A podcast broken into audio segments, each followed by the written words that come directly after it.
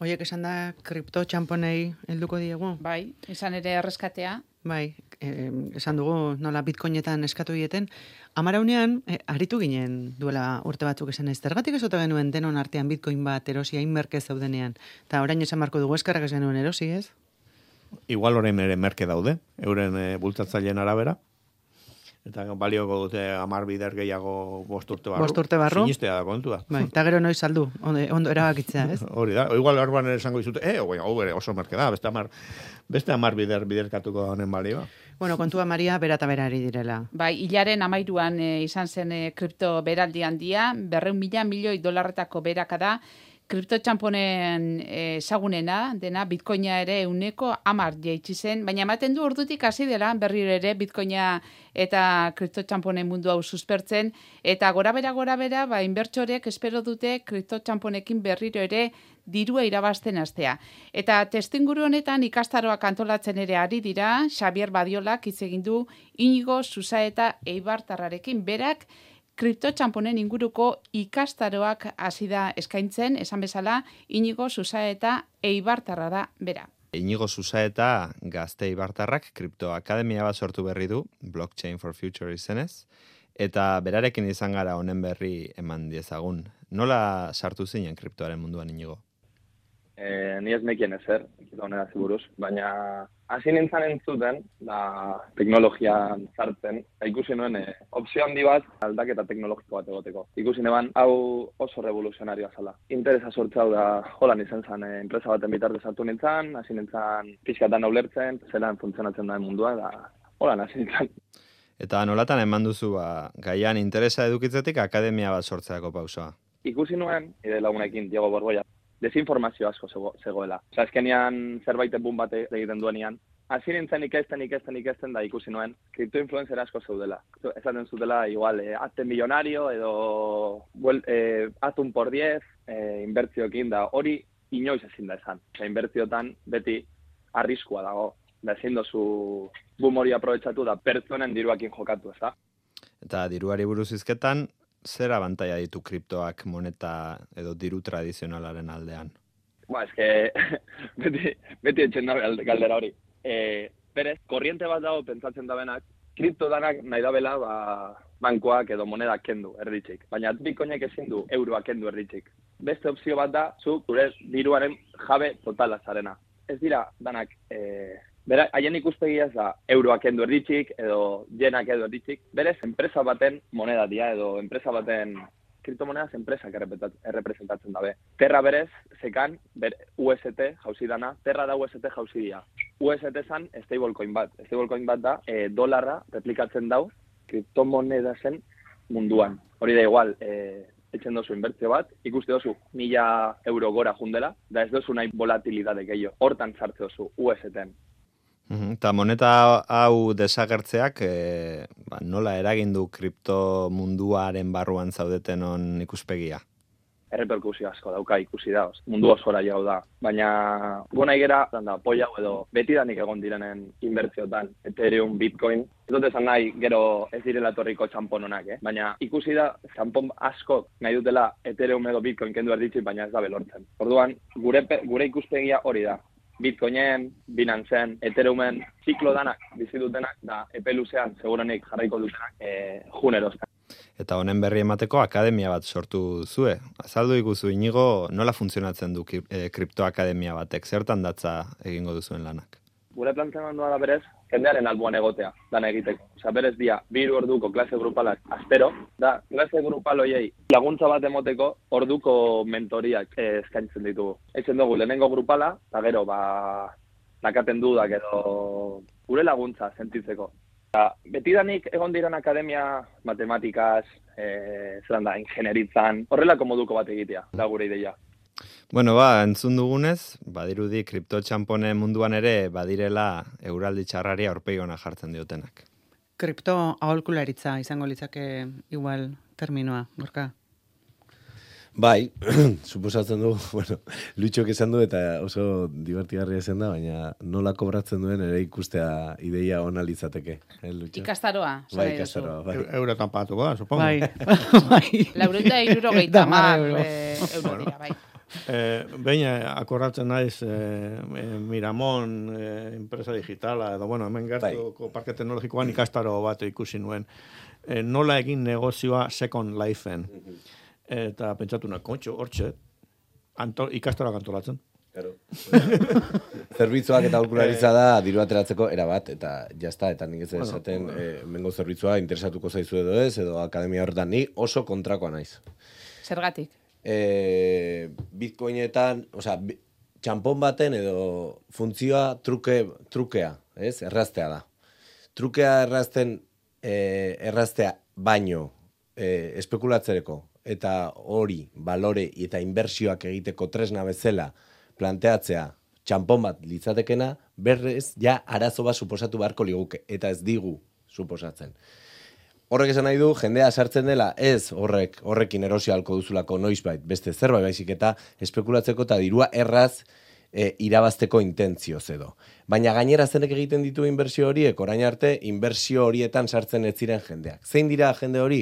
Gazteak, e, iaia pustu etxe modukoak sortzen ari ditugu, eta dago kriptoinfluencer deitu altzaio, kriptomemelo ere deitu algenien, Osea, ni oso kritiko nahi zentzu horretan, jende asko bideratzen ari direlako bide batera, ez, ez dala, ez dala, ez da, ez da normala. Puntu batean, neri teknologia asko interesatu du izan zait, gaina teknologia banatuetan oinarrituta dago, neri teknologia banatuak oso garrantzua iruditzen zaizkit, gaina banatzen dutelako nolabaiteko boterea, osea, ez dago puntu zentral bat, eta ta, ta, ta, ta, baina gezurra ere bada, hemen ez dagoela botere zentralik. Zen orain, espekulazio merkatuetan daudenek zorrelako moneteak, azkeneak kapitalak dauka kontrola. Ez da ez dagoela kontrolik. Diru, zure diruaren jabe, benetako jabe izateko, ez dezu bitcoina behar, hori da esan nahi dudana. Eta pixka jartzen nahi serio zen, e, benetako arazoak sortzen ari dira, eta lot, lotzuko bagenu hau, jokoetan eta jokoetako sariei lotutako e, sistema eta gamification sistema batzuetara, ba hor mekanismo oso perversoak ari dira martxan jartzen. Jende askorek e, inbertsioa galduko du, hori argi eta garbi, eta beste batek norbaitzuk irabaziko dute, Neri teknologiak interesatza zaizki, badaude kripto txampon batzuk bisio, beste bisio bat ere gehitzen diotenak, hau da, dena ez da espekulazioa, ikusiko dugu horietako baten batek eh, aurrera egiten duen, baina hori baina garrantzitsuagoa iruditzen zait eh, txampon digitala. Hau da, euro digitala datorrenean, zen euroa, mm, badirudi eh, ez dela digitala, baina digitala izango da, hau da, eh, estatu batek edo norbaitek eh, ordaindu halko digu gure mugikorrera, edo guk dakagun... eh, Txinan daude planak horretarako. Txinan ja badago, aurretik doaz, e, Bitcoina eta- debekatuta dago, baina hortan ari dira. Hortan ari dira. Debekatuta dago bikoina. Bai. E, ja bi kolpe egin dituzte, eta Bai. transakzioak debekatu, debekatu guztiz guztiz ez, baina bai, bi kolpe fuerte eman dituzte, orduan horren balioen jetxiaren arrazoietako bat hori izan dare. Gorka, eskatuko dizugu pixka bat atzera egiteko, ze Bai. dugu hasiera hasiera hasieran kripto txamponez eta blockchain teknologiaz aurren aurren aitzen genuenean,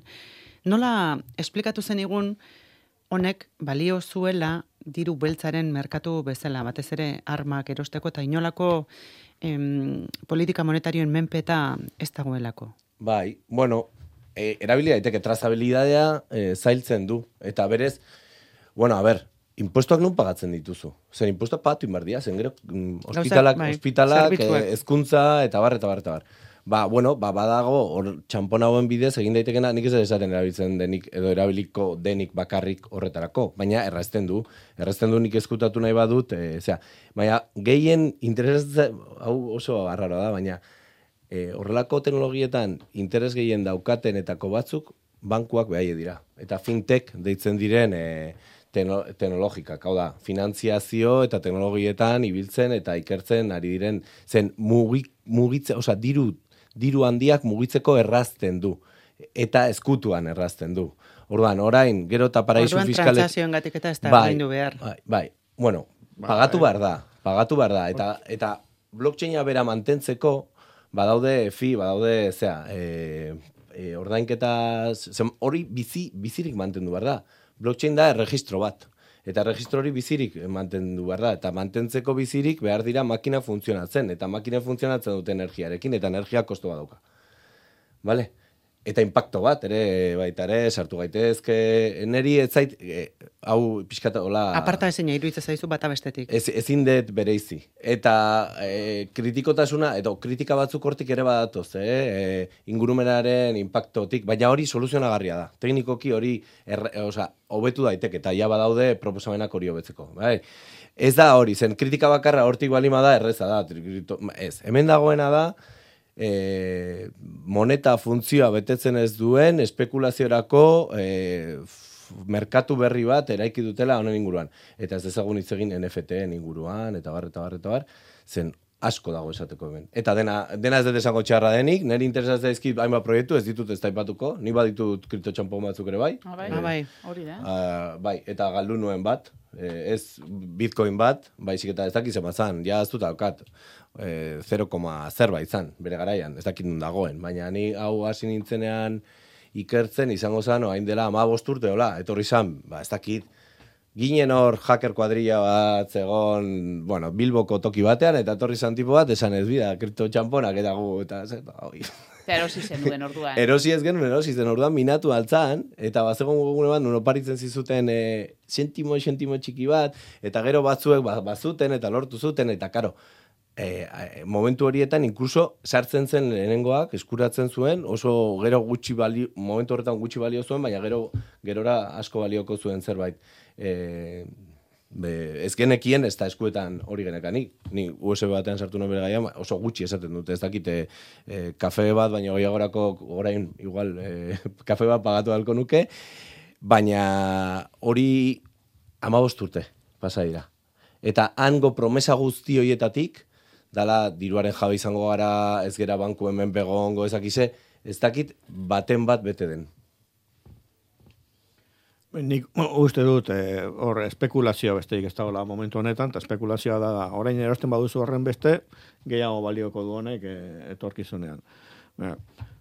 Egin beharrean apostua gainera, demagun, lasai, eta epe luze batera jentea ibiliten da. Bai. Eta ibili honek, hartuz, hor mugitzen bai. naiz hemendik, eh, Ethereuman jeitsi da, ba, mugitzuko naiz Ethereumetik, nizar daki, beste izen badaukana, edo Bitcoin propiotik beste gauza batea. Eta beste bat hau seguruago da, ba, beste horretan ere, ordan joko kon, konstante bada. Eta joko konstante horretan beti dago eh, saldu edo erosi, beti dago eh, euroetan edo zentimotan pagatuko duzun eh, zer bat, eh, komisio bat. Eta komisio gileak bitartean, ba, gora edo bera, diru egin. Bitarteka, eske, esaten Bitartekari- dugu, ez dago bitartekaritzan da, eta bitartekaritzan justu- dago negozioa. Hori, hori da. Edo irakas, edo irakaskuntza, eh, demagun, eralako nozio batzuk eta Bai, zerbitzuak informazio, eta- informazioa pertsona honek. Aholku bat emango alik- zenukete kripto txamponetan inbertitu nahi duen eh, norbaiten zatola aholku bat. Nik oindala hilabete, lau hilabeten ere seme gazteak amazortzi urte bete zituen, eta e, ja bere kontu propioa dauka, e, e, aurrezki kuntxa batean. Eta galdera bat egin nion, e, pues, ja, diru bere diruak eta ezak eta gastatu Bai. bai. Eta esan nion, zu ze uste duzu kriptoari buruz. Eta esan zian, eskema piramidal bat da. Listo, Bien. ondo ikasi du. Bien. Orain, zuk egin deseo que zu kaso aholkulari bati edo nere semeari. Vale. Entzule batek edatzi digu. Eh? Eta ez daki asko, eh? Munduaz, eh? Amazortzi urte bete berri. Baina, bueno, eh, hori uste badu, ni pozit nago. Eh? Igual, ez, igual arrazoa eukiko dute, igual ez. Baina hori uste izatea, eta, ah, bueno, segurtasun bat ematea dit. Begira.